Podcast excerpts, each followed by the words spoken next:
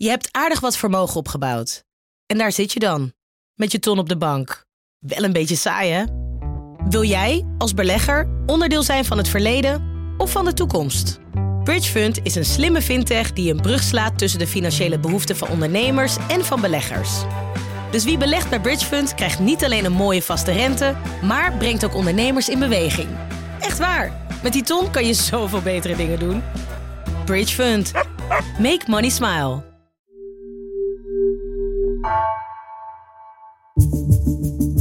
Vanaf de redactie van NRC het verhaal van vandaag. Mijn naam is Egbert Kalsen.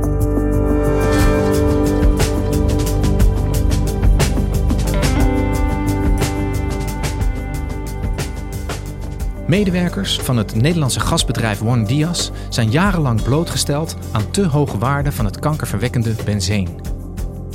Verslaggever Mark Middel zocht hen op en hoorde hoe het bedrijf hun klachten totaal niet serieus nam.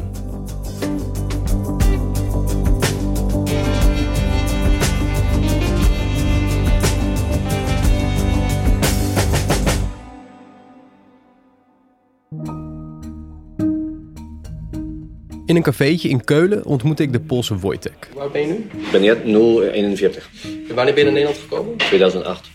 Ik heb in Polen eh, mijn technische opleiding gedaan. En daar vertelde hij mij dat hij werkte bij het Nederlandse gasbedrijf One Dias sinds 2015. En hij zei van dat was echt voor mij een droombaan. Want hij was in Polen opgeleid in de olie- en gassector. eh, wilde dus heel graag in de Nederlandse gasindustrie werken. En hij zei van, toen ik die vacature zag van One Dias, toen dacht ik, ja, dit is het. In 2015 kwam je bij... eh, 2015 kwam ik naar One Dias, ja. ja, hoe ben je daar terecht gekomen? Ik heb gesolliciteerd en dan was ik gewoon aangenomen. Oké, en wat was de functie die je in 2015 had? Een technician. En eh, als daar een, eh, een probleem komt, dan ben je eigenlijk verantwoordelijk om het probleem te op te lossen. Doe je gewoon kleine reparaties. Was het leuk in het begin? heel leuk. Ja? Ja, ja. Dat Ja. was eigenlijk mijn ja. Hij wilde altijd al op de Noordzee werken en One Dias die ging op dat moment beginnen met state-of-the-art techniek. Dus echt met de nieuwste technische middelen gingen ze gas halen uit de Noordzee. Nou, en daar wilde hij heel graag bij zijn. Voor hem was het een droombaan, want het verdient goed. Het is eh, super interessant werk waar hij heel veel zou kunnen leren. Eh, het is een week zit je dan op zo'n booreiland ergens in de Noordzee. En een week ben je lekker thuis bij je gezin. En, zei hij, het allermooiste is nog wel dat je met de helikopter naar het werk gaat. En dus begint hij in 2015 vol enthousiasme bij One Dias. En One Dias zit in principe in de Rotterdamse haven, maar ze hebben allemaal verschillende gasplatforms in de Noordzee. Je moet je voorstellen, je kent van die kleine booreilandjes in de zee misschien wel. Dat zijn van die op ijzeren pilaren hele hoge eilandjes met daarboven een soort van gebouwtje. En eh, wat Wojtek moest doen, hij moest eigenlijk af op alle eh, storingen en meldingen. Dus om de zoveel tijd eh, moeten er dingen vervangen worden. Nou, en wat doet hij dan? Hij zegt tegen mij van ja, je moet een beetje leidingen losdraaien, je moet eh, buizen schoonmaken.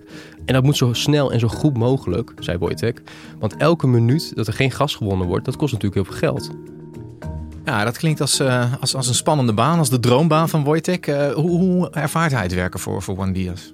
En het gaat de eerste jaar hartstikke goed. Want hij leert ontzettend veel. Hij mag werken met die nieuwste technieken. Hij verdient een goed salaris. Maar in 2018 begint hij zich opeens niet lekker meer te voelen. Ik was gewoon op het werk. Uh-huh. En eh, direct na die werkzaamheden voel ik mij niet goed. Wat voelde je dan? ja, duizeligheid, misselijkheid. Ik heb eh, een aantal keren overgegeven. Eerst was gewoon overal uitslag op mijn gezicht. Weet je, hier alles dicht. Weet je, net zoals allergische reactie. Ja. En het slechtste was dat na die periode toen ik terug naar huis ging, komt het weer terug. En als hij naar huis gaat, dan gaan die klachten weer weg.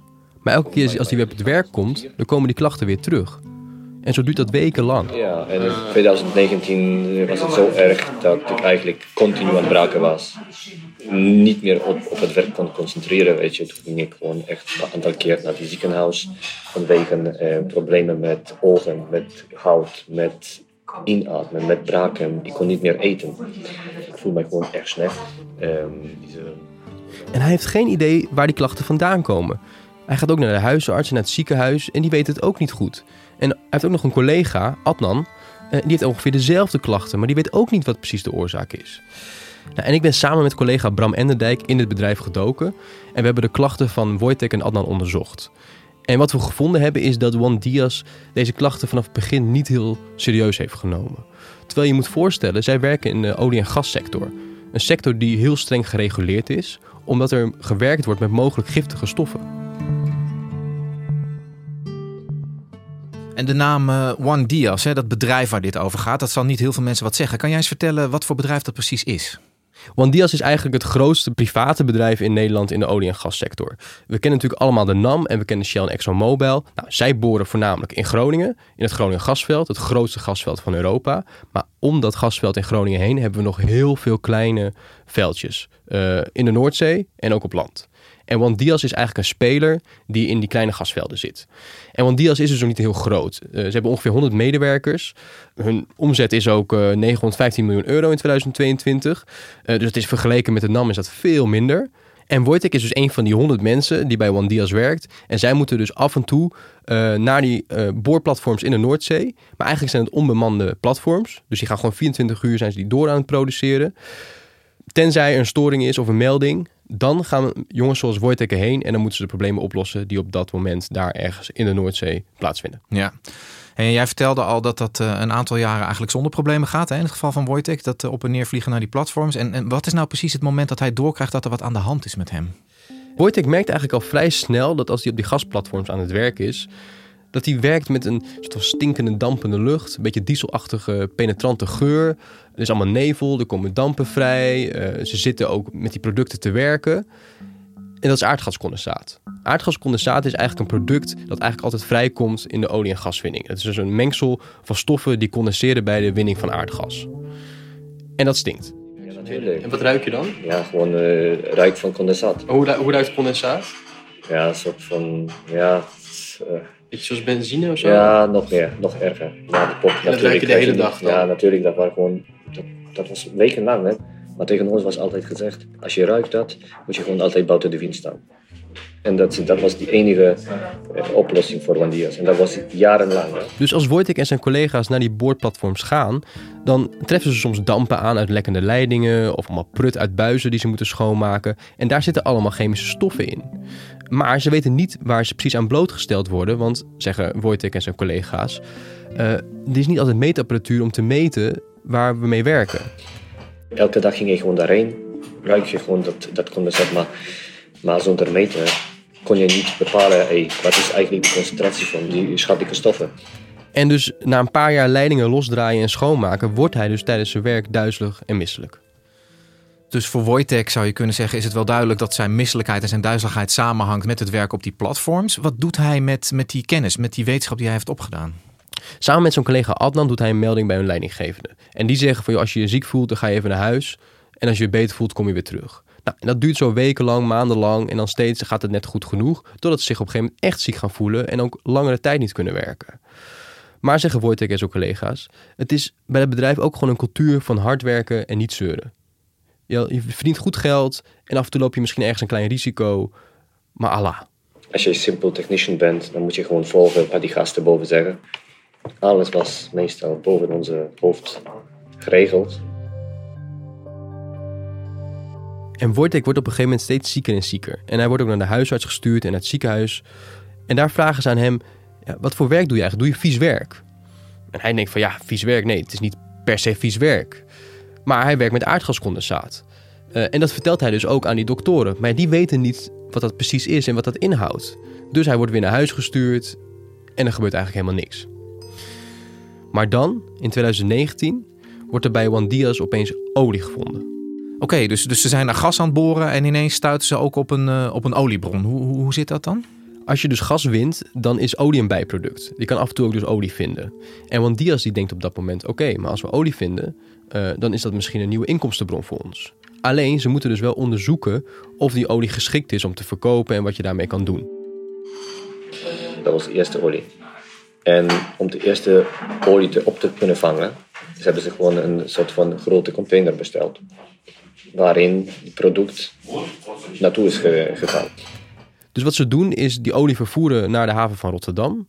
En daar slaan ze het op in een open container. En dan gaan ze er allemaal tests mee doen. Dus dan gaan ze die olie verwarmen om te kijken of dat wel door allemaal leidingen kan. En bij die test komen ze allemaal dampen vrij, omdat het een open container is. Staan er ook allemaal medewerkers. En ook Adnan en Wojtek hebben daar heel lang gewerkt. En op een gegeven moment vraagt een van de collega's van Wojtek... Van, moeten we hier niet een meting naar doen van wat al die dampen voor chemicaliën de, lucht in pompen... en waar wij dus aan blootgesteld worden. En als zij dan een meting doen, dan zien ze dat er een hele hoge concentratie benzeen gemeten wordt. En benzeen, dat is een kankerverwekkende stof. Dus als ze die meting hebben gedaan, besluit Juan Diaz een inspectiebedrijf in te huren... die dan nog een soort grotere meting doet. En uit de meetresultaten die wij hebben ingezien ook, en de gesprekken die wij hebben gevoerd op de achtergrond, blijkt dat die concentratie benzeen minstens 70 keer zo hoog is als toegestaan. En, en jij zegt benzeen. Hoe, hoe schadelijk is benzeen precies? Weet jij dat? Nou ja, benzeen staat op de lijst van zeer zorgwekkende stoffen van het uh, eh, RIVM. En is daarom dus ook heel erg streng gereguleerd. Dus er zijn hele strenge normen voor aan, uh, waar mensen aan blootgesteld mogen worden. Ja, en, en bij die container waar dus die olie in zit, komen ze erachter dat die, die waarde van benzeen 70 keer hoger ligt dan wat eigenlijk is toegestaan. Wat, minstens 70 keer. Minstens 70 keer. Wat, wat doet One Diaz met die informatie? Op het moment dat het management daarachter komt, besluiten ze om meteen de werkzaamheden rondom die oliecontainer te stoppen. En moeten alle medewerkers werken met hele strenge gezichtsmaskers. Dus eigenlijk een soort van gasmaskers uh, die alles tegenhouden. En als Wojtek en Adnan dat horen, dan schikken ze zich rot en beginnen ze meteen te googlen. En dan zien ze opeens, hé, hey, dat kankerverwekkende benzeen, dat zit niet alleen in die olie, dat zit ook in aardgascondensaat. En aardgascondensaat, daar zijn ze al jaren mee aan het werk. Dat zit in die dampen en die nevel in die boorplatforms. Dat hebben ze in emmers moeten legen vanuit pijpleidingen. Dus daar hebben ze al jaren mee gewerkt. En dan vragen ze zich af, oké, maar als het al zoveel hoger is boven deze oliecontainer... aan hoeveel benzeen zijn we dan wel niet blootgesteld in de afgelopen jaren tijdens al die andere momenten? Want die periode dat zij op die platforms aan het werk waren, hadden zij toen goede bescherming? Nou, Wojtek en Adnan zeggen, en ook andere collega's die wij hebben gesproken, dat dat niet altijd aanwezig was. Dus je moet normaal werken met best wel strenge kledingvoorschriften. Uh, je hebt uh, maskers, uh, er moeten metingen gedaan worden voordat je aan het werk gaat. En zij zeggen, en wij zien het ook in interne documenten, dat die niet altijd aanwezig waren. En dat er dus niet altijd mee gewerkt is. Wat wij hadden is helm, brillen, laarzen. Dus je hebt wel een helm, je hebt een bril, je hebt laarzen. Maar je hebt helemaal geen masker ook? Die zeggen dat die hebben dat besteld, maar ik had helemaal geen maskers. helemaal, maar ook niet een slecht masker, gewoon niks? Nee, ik had niks. Ik had, voor mij had ik niks.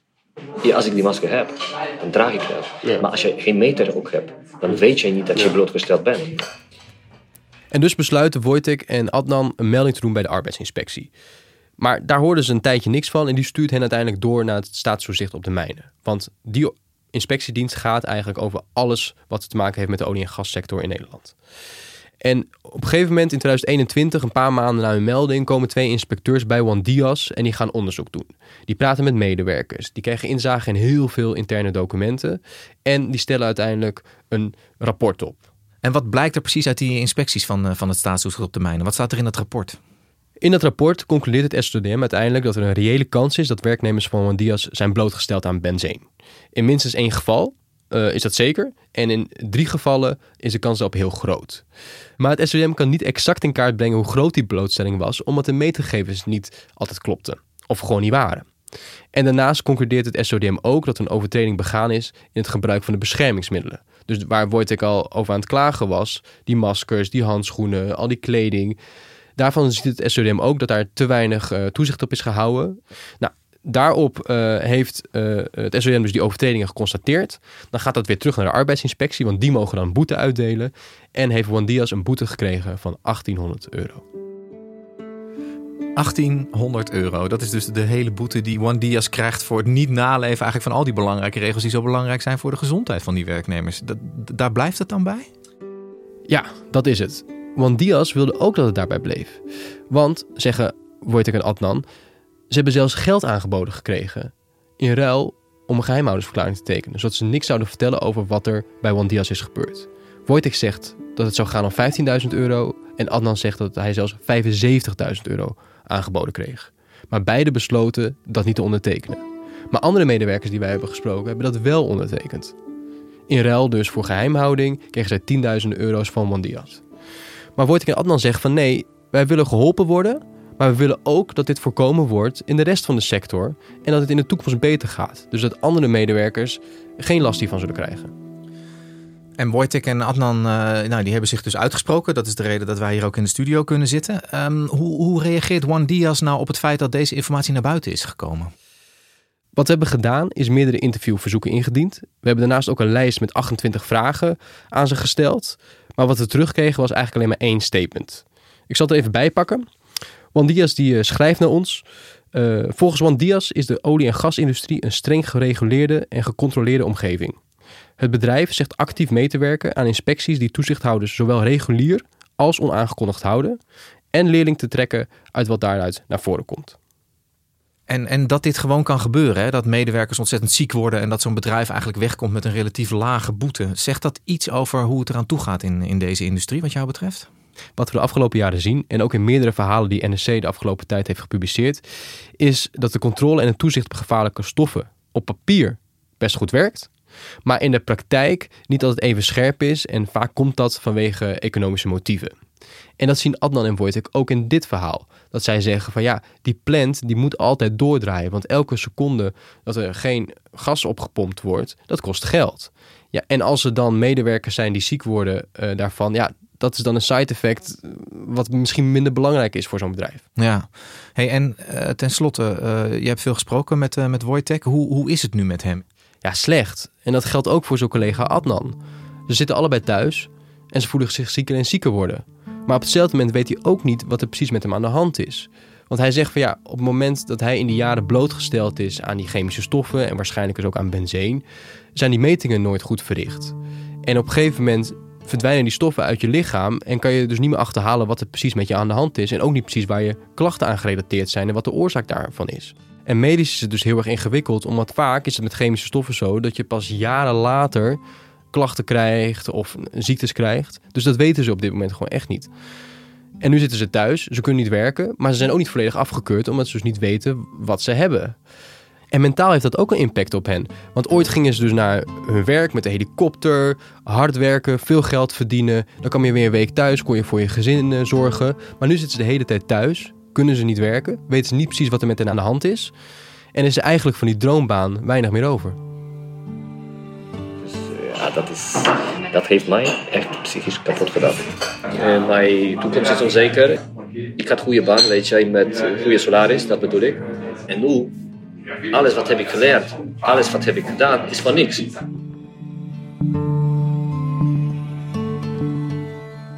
Dankjewel, Mark. Dankjewel.